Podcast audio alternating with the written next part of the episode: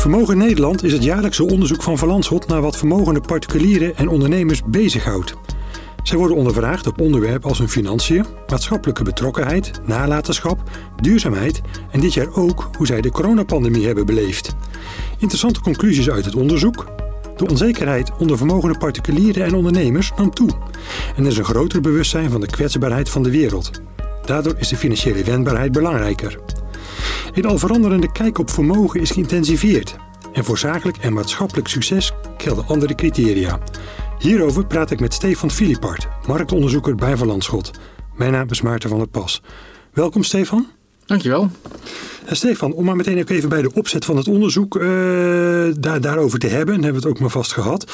Je hebt uh, eh, 400 mensen ondervraagd, hè, waarvan 300 vermogende particulieren met een vrij belegbaar vermogen van meer dan 500.000 euro. En 100 vermogende ondernemers, en dat zijn directeur groot aandeelhouders van een onderneming met meer dan 10 werknemers. En de helft eh, van hen boekt een bruto bedrijfsresultaat van meer dan 500.000 euro. We hebben een beetje een idee van de omvang van dat bedrijf. En deze vermogende ondernemers hebben ook een vrij belegbaar vermogen van meer dan 5 ton. Ja, dat klopt. Uh, nou, ik heb ze niet zelf ondervraagd. Hè. Dat hebben we samen gedaan met het uh, marktonderzoeksbureau Ipsos. Ja. En dat doen we met name omdat zij een onafhankelijk uh, onderzoeksbureau zijn zodat uh, nou, de objectiviteit ook gewaarborgd is en, in dit, en, ook zeker de kwaliteit. Ja, dat is belangrijk. En um, we hebben dat gecombineerd. Hè. Je noemde net de aantallen. Ongeveer 400 uh, vermogende Nederlanders, 300 particulieren, 100 ondernemers. Daarnaast hebben wij ook nog 12 diepte-interviews gehouden. Tenminste, dat heeft Ipsos gedaan. Mm -hmm. Ook weer met zes ondernemers en zes particulieren.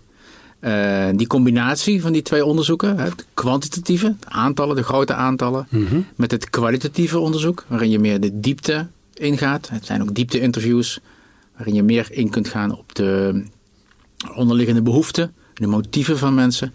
En die combinatie maakt het heel krachtig. Enerzijds heb je de harde cijfers, waardoor je maar, statistisch betrouwbare uitspraken kunt doen. Anderzijds met het interview of met de interviews, uh, die geven meer kleur aan de cijfers. En wat meer diepte en wat meer warmte. Ja, dus die combinatie is heel sterk. Mm op deze manier kom je eigenlijk heel dichtbij bij de vermogende particulieren in Nederland. Ja, nou laten we eens kijken wat we die, de komende minuten wat kunnen schetsen in, in deze podcast. En ja, we hebben natuurlijk dan over die de vermogende Nederlander. Maar wie is dat dan, hè, zo die bestaat? Ja, ja, ja. Uh, ik zal beginnen met de karikatuur. Mm de, de vermogende Nederlander, de klassieke vermogende Nederlander is uh, toch uh, de blanke, 62-jarige man uit Blarikum, hoog opgeleid met een grote villa. dat is het klassieke beeld. Nou, dat beeld is aan het kenteren. de vermogende Nederlander wordt zeg maar, wat kleurrijker, mm met een andere culturele achtergrond, vrouwelijker, jonger. dus al met al wordt dat, dat beeld wel wat is, is aan het veranderen. Mm nou gaat het nog niet zo hard, hè? want van die, die grote aantallen die we net uh, noemden, die, die 400 mensen, uh, daarvan moet ik wel zeggen dat uh, driekwart is man en de gemiddelde leeftijd is 56. Dus zo hard gaat de verschuiving nou ook weer niet. Nee, die zijn nog de karikatuur om het zo te zeggen. Ja, het is nog vooral man en ja. hoog opgeleid. Ja, dat kan ik niet ontkennen. Mm -hmm. En um, even, ja, weet je ook nog iets meer over hun, um, ja, hun interesses of... Ook dat is ja, toch wel een beetje uh, uh, klassiek, soms letterlijk, hè, klassieke muziek. economie is een, is een, is een, is een nou, interesse, hmm. kunst, cultuur, politiek. en daarnaast ja, kun je ze toch ook veel vinden op de golfbaan nog steeds.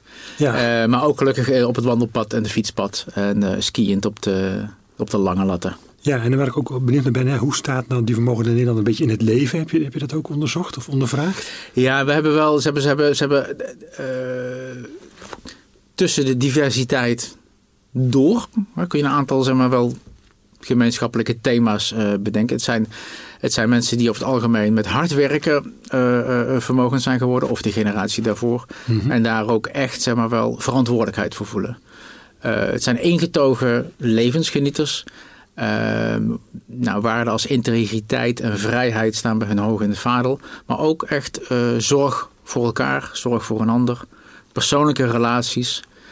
Um, en, en ook wel familieverbanden. Ja.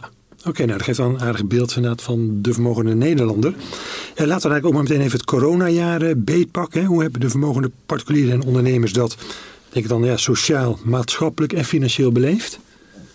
Ja, uh, inderdaad, drie, drie verschillende thema's zou ik e-, even willen aansnijden. Het sociale. Een deel, en dat is een kleinere echte minderheid, uh, heeft wel degelijk zeg maar, ook uh, grotere gevoelens van eenzaamheid uh, beleefd. Mm -hmm. Mensen zijn meer op zichzelf geraakt, meer naar binnen gekeerd. En het heeft in enkele gevallen tot meer eenzaamheid geleid. Maar de overgrote meerderheid, daar geldt dat niet voor. Die zijn er redelijk goed doorgekomen. Um, en dan moet ik wel zeggen dat een deel van de, met name de ondernemers, eigenlijk niet kunnen wachten tot weer live elkaar te zien. Ja. Uh, omdat zij uh, nou, vooral hun netwerk onderhouden. Dat, dat doe je in persoon, vinden zij.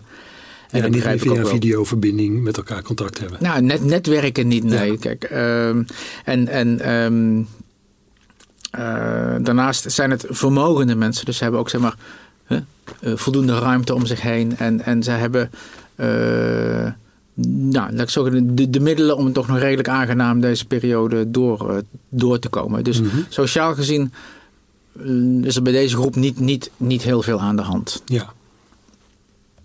En, ja, natuurlijk, uh, de volgende is de, de, de, ma maatschappelijk. Uh, het is een heel bewust, die heb ik net niet genoemd. Het zijn mensen met een, met, al met een hoge mate van bewustzijn, die ook bewust naar de wereld kijken, naar een omgeving.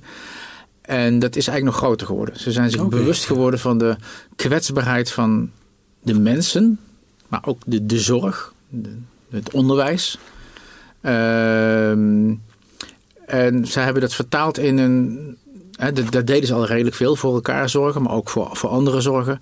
Uh, dat hebben ze ook omgezet in, in, in letterlijk meer tijd besteden aan anderen.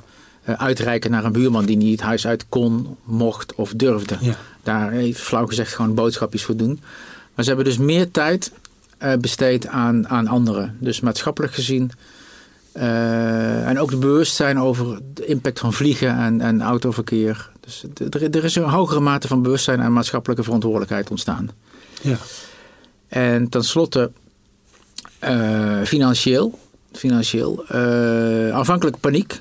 Hè? Bijna alle, alle deelnemers zijn beleggende, beleggende vermogende particulieren of ondernemers.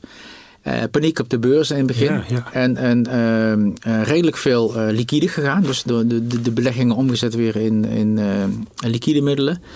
Uh, alleen in Nederland kwam de rust betrekkelijk snel terug.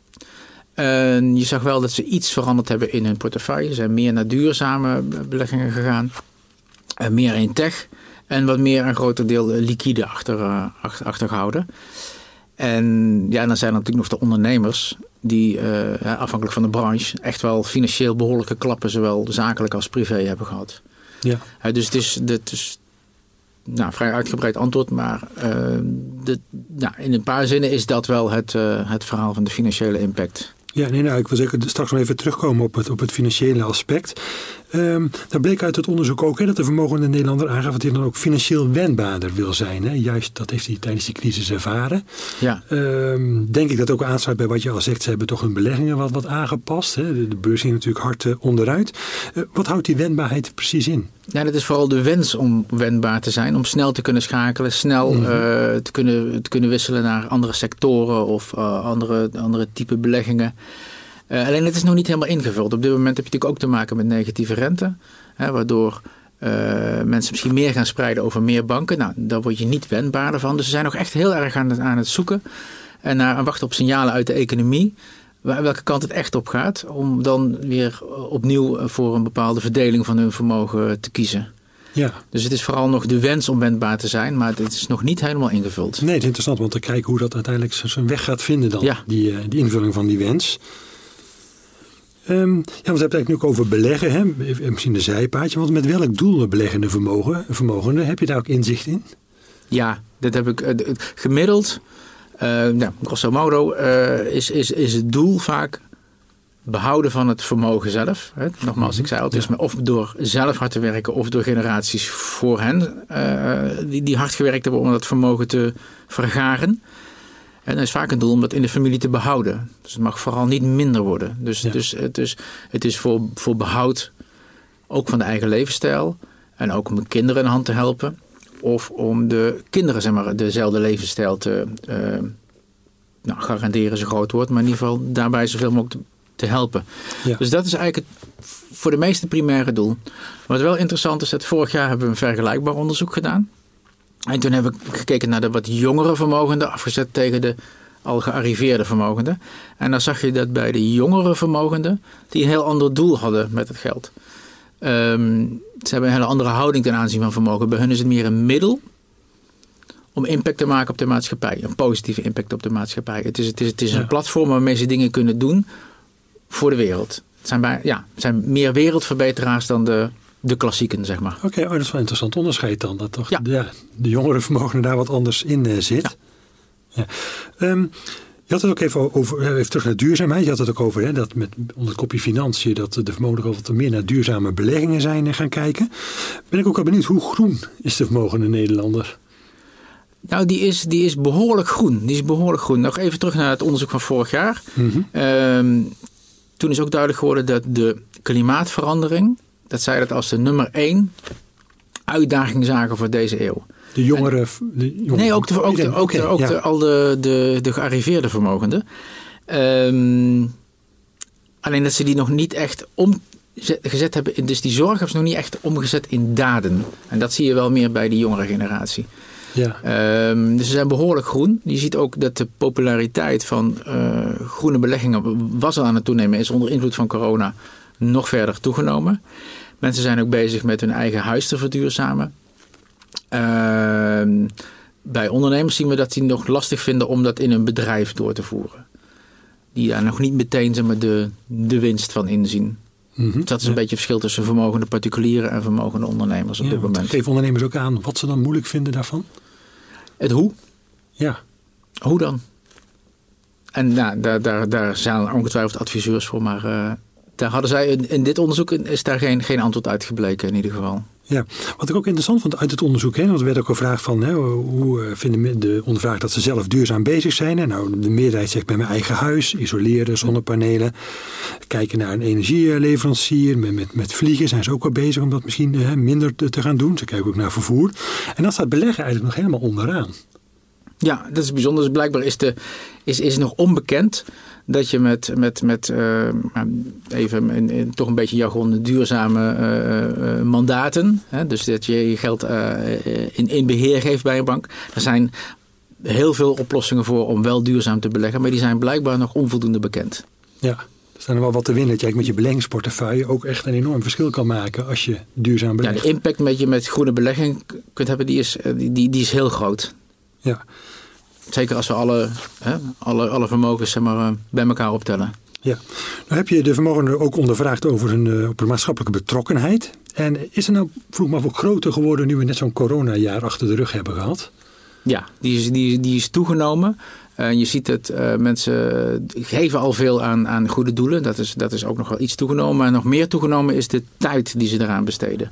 Dus ze hebben vooral in, in, in tijd en aandacht aan anderen ze deden al vrijwilligerswerk, vaak in georganiseerde vorm. Mhm. je ziet dat nu meer op eigen initiatief, nogmaals even die buurman helpen, hun naasten geholpen.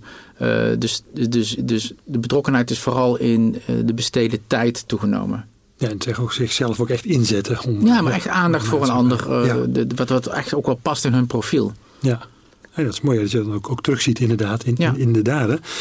Um, en dit onderzoek blijkt ook dat de vermogenden willen een schonere, een duurzamere wereld nalaten. waarbij men naar elkaar omkijkt. Dat gaf ook wel een beetje aan. Zo, zo staan ze in het leven. Um, waarom heb je eigenlijk ook naar hun nalatenschap gevraagd? Ja, um, even, even flauw gezegd, gezien het vermogen en hun gemiddelde leeftijd, uh, is, is nalatenschap heel relevant. Ja, dat speelt al. Ja. ja, en dan kun je natuurlijk denken aan, aan, aan letterlijk nalatenschap, hè, de erfenis. Hè, wat, wat, wat, wat laat ik mijn kinderen na? Of mensen die geen kinderen hebben, hè, en welke goede doelen schenk ik? Of waar, waar laat ik letterlijk mijn uh, vermogen mm. na? Dat, dus dat is relevant, hè, waarbij ze veel mensen aangeven nou, in eerste instantie toch te denken aan de kinderen. Die te helpen bijvoorbeeld op de huizenmarkt of op een andere manier. dus, dus, dus dat is een, een nalatenschap. Andere nalatenschap is hoe wil je de wereld achterlaten als je er niet meer bent? Nou, en daar zie je dit inderdaad mensen voor een schonere, groenere wereld zouden willen achterlaten, waar, waarin men meer naar elkaar omkijkt. En dan heb je nog een derde aspect. Het is van hoe zou je herinnerd willen worden als je er niet meer bent. Ja, hoe, hoe is dat? En dat is een interessante. Uh, uh, je ziet daar een klein verschil bij ondernemers. Ondernemers zullen, willen, willen dat vaker als succesvol uh, beschouwd worden als, als ze er niet meer zijn. Ehm, deelnemers die zelf geen kinderen hebben, die, die maakt het wat minder uit hmm. hoe ze, hoe ze herinnerd willen worden. Maar de meeste mensen willen gewoon herinnerd worden als een fijn sociaal mens, als een, als een, als een fijne ouder, als een, als een goed persoon. Ze willen gewoon als een goed persoon herinnerd worden. Ja, gewoon een sociale herinnering. Ja, ja. komt hij weer terug. Ja, nee, dat toch. Maar je doet onderzoek natuurlijk, eh, heb je al meerdere keren gedaan. Hè? Want zie je dan toch een soort van verandering in ontstaan? Proef ik uit het onderzoek. Dat die definitie van wat succes dan is, hoe men herinnerd wil worden ja, dat is nou, aan het schuiven. Nou, met name, het is leuk dat jullie zegt die, die uh, defini ja, definitie groot wordt, maar de omschrijving van succes. Mm -hmm. de eerste succes vooral financieel zakelijk. Maar als dat bijvoorbeeld ten koste gaat van een paar huwelijken of van een slechte relatie met je kinderen, ja, is dat dan nog wel succesvol? Ja. Dus, dus uh, wat in, in dit onderzoek met name naar voren kwam, is dat meerdere deelnemers hebben dat genoemd, dat succes voor hen ook is goed contact met je kinderen dat ze regelmatig langskomen, dat ze om raad vragen. En dat zij dus zeg maar, als, als sociaal mens geslaagd zijn in het leven. Ja. Dat, dat, is, dat is nu meer succes dan puur financieel zakelijk. Ja, nou ja, goed, interessant om te zien dat dat toch aan het, aan het verschuiven is. En nou begonnen we deze podcast hè, met hoe vermogen de Nederlanders op het coronajaar terugkijken. En, en laten we dan eindigen met de toekomst. Hè. Wat, wat verwachten zij van de toekomst? Want dat heb je ook gevraagd. Ja, ja. het mooie is dat er, daar zitten ook weer tegenstellingen in. Uh, en dat is natuurlijk altijd leuk aan onderzoek, uh, het interpreteren. Laat ik beginnen met de mensen zelf. Uh, ze hebben heel veel meer vertrouwen zelfs in zichzelf voor de komende periode dan bijvoorbeeld vorig jaar. Dus dat, is, dat vertrouwen is toegenomen. Oké, ja. aan de andere kant is het vertrouwen in de Nederlandse samenleving, de Nederlandse economie, de Nederlandse financiële markt is ook hoog. Veel hoger dan bijvoorbeeld over Europese markten of over wereldwijde markten. Daar zitten, daar zitten wel wat zorgen. dus ze kijken met, met, uh, met, met vertrouwen naar de toekomst, wat betreft hunzelf, wat betreft de Nederlandse economie, wat betreft de beurzen. Uh, ze vermoeden is ook dat de vastgoedwereld zeg maar, nog ja, mm, meer rendement zal gaan, gaan opleveren. dat zie je overigens meer bij ondernemers terug die daar, daarin hebben geïnvesteerd of gaan investeren. Particulieren zijn er wat terughoudender in. Um, dus dus dat, dat zijn de dingen die nou, positief zijn. Aan de andere kant, hè, die zorg om de wereldeconomie. En de andere zorg is eigenlijk ook van... Er is, eh, kijken naar Nederland, zoveel geld in de economie gepompt. Mm -hmm. Wat is daarvan het effect op de langere termijn? En wie gaat het betalen? de kinderen, de kleinkinderen of de achterkleinkinderen. Maar ergens komt een keer een rekening. En dat is ook nog wel een een, een, een zorg. Dus dat zijn twee verschillende. Uh, nou, een positieve kant en een wat, wat zorgelijke kant waarop ze uh, naar de toekomst kijken. Ja, zeg maar, het tekort op de staatsbegroting, ja, enig moment zal dat toch terugbetaald moeten worden. En dan maken zich dan wel zorgen om van, goh, ja, dan gaan mijn kinderen of misschien mijn kleinkinderen doen. Ja. Ja. Maar zeg je zo ook hè, dat de vermogenden toch uh, meer zelfvertrouwen hebben gekregen in, in zichzelf. Heb je ook een idee hoe dat gekomen is?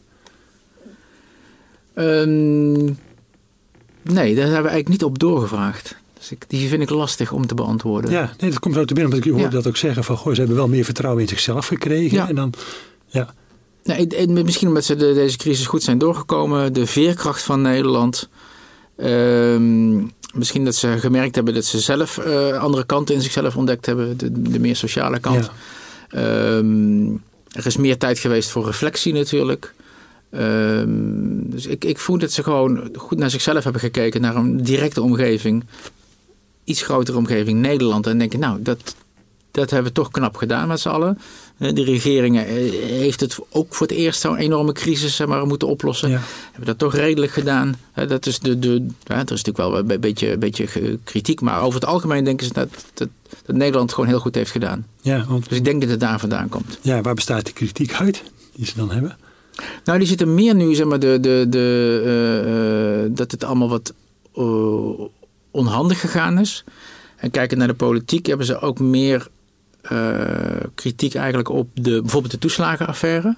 Die staat veel hoger zeg maar, uh, in het lijstje van... hé, hey, maar wacht even, de, hierdoor heb ik toch al wat minder vertrouwen gekregen in, ja, in dat, politici... dat helemaal nog mee. Dan de aanpak van de coronacrisis. Ja.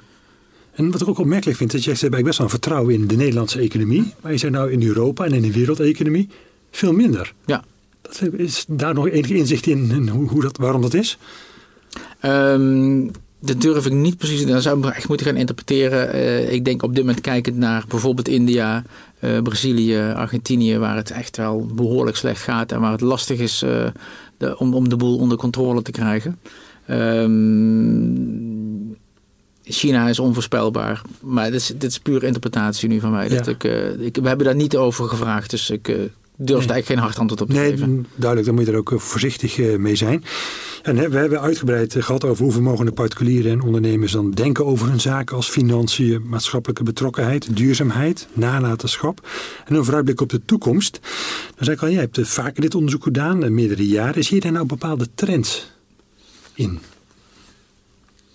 Nou, een paar die we al hebben genoemd. Men, men, de, de vermogende Nederlander zal diverser worden. Ja. In alle verschijningsvormen de definitie van succes is, is, is veranderd. En dat zag je ook al wat, wat, wat, wat, wat, wat verder uh, van wat, eerder aankomen. En het andere is dat men zo veel meer bewust is van de uh, klimaatproblematiek. Dat de groene beleggingen, het investeren in tech, echt wel zeg maar, zullen toenemen. In combinatie met, en dat hoop ik ook echt, en ik vertrouw ook eigenlijk wel in, in eigen gedrag. Dat hun gedrag ook aan, langzaam aan zal passen. En dat het misschien een voorbeeldgedrag zal zijn voor anderen. En dat we dus langzaam een stukje opschuiven in, uh, in, een, in een gedrag wat leidt tot een uh, minder snelle of stop van de, van de klimaatverandering. Ja, dan lijkt me dat gedrag aanpassen nog altijd het moeilijkste. Maar het zou mooi zijn als je bereikt dat dat toch een soort van voorbeeld ja gedrag gaat worden. Nou, dank je Stefan voor jouw uitgebreide beeld van de vermogende Nederlander. Hè? En ik vind het interessant om te horen dat de samenstelling van die groep wel verandert. Wat je zegt, meer kleur, wordt jonger, meer, meer vrouwen komen daar ook, ook bij. En ook ja, die definitie van persoonlijk succes toch ook wel door de jaren heen verandert ja. naar meer sociaal. En sociaal worden gevonden, dat dat uh, belangrijk is. Nou, wilt u nou meer lezen over het onderzoek Vermogen Nederland? Kijk dan in ons magazine Cornelis, dat u kunt vinden op www.verlandschot.nl slash Cornelis. Stefan, nogmaals dank en ik dank u voor het luisteren.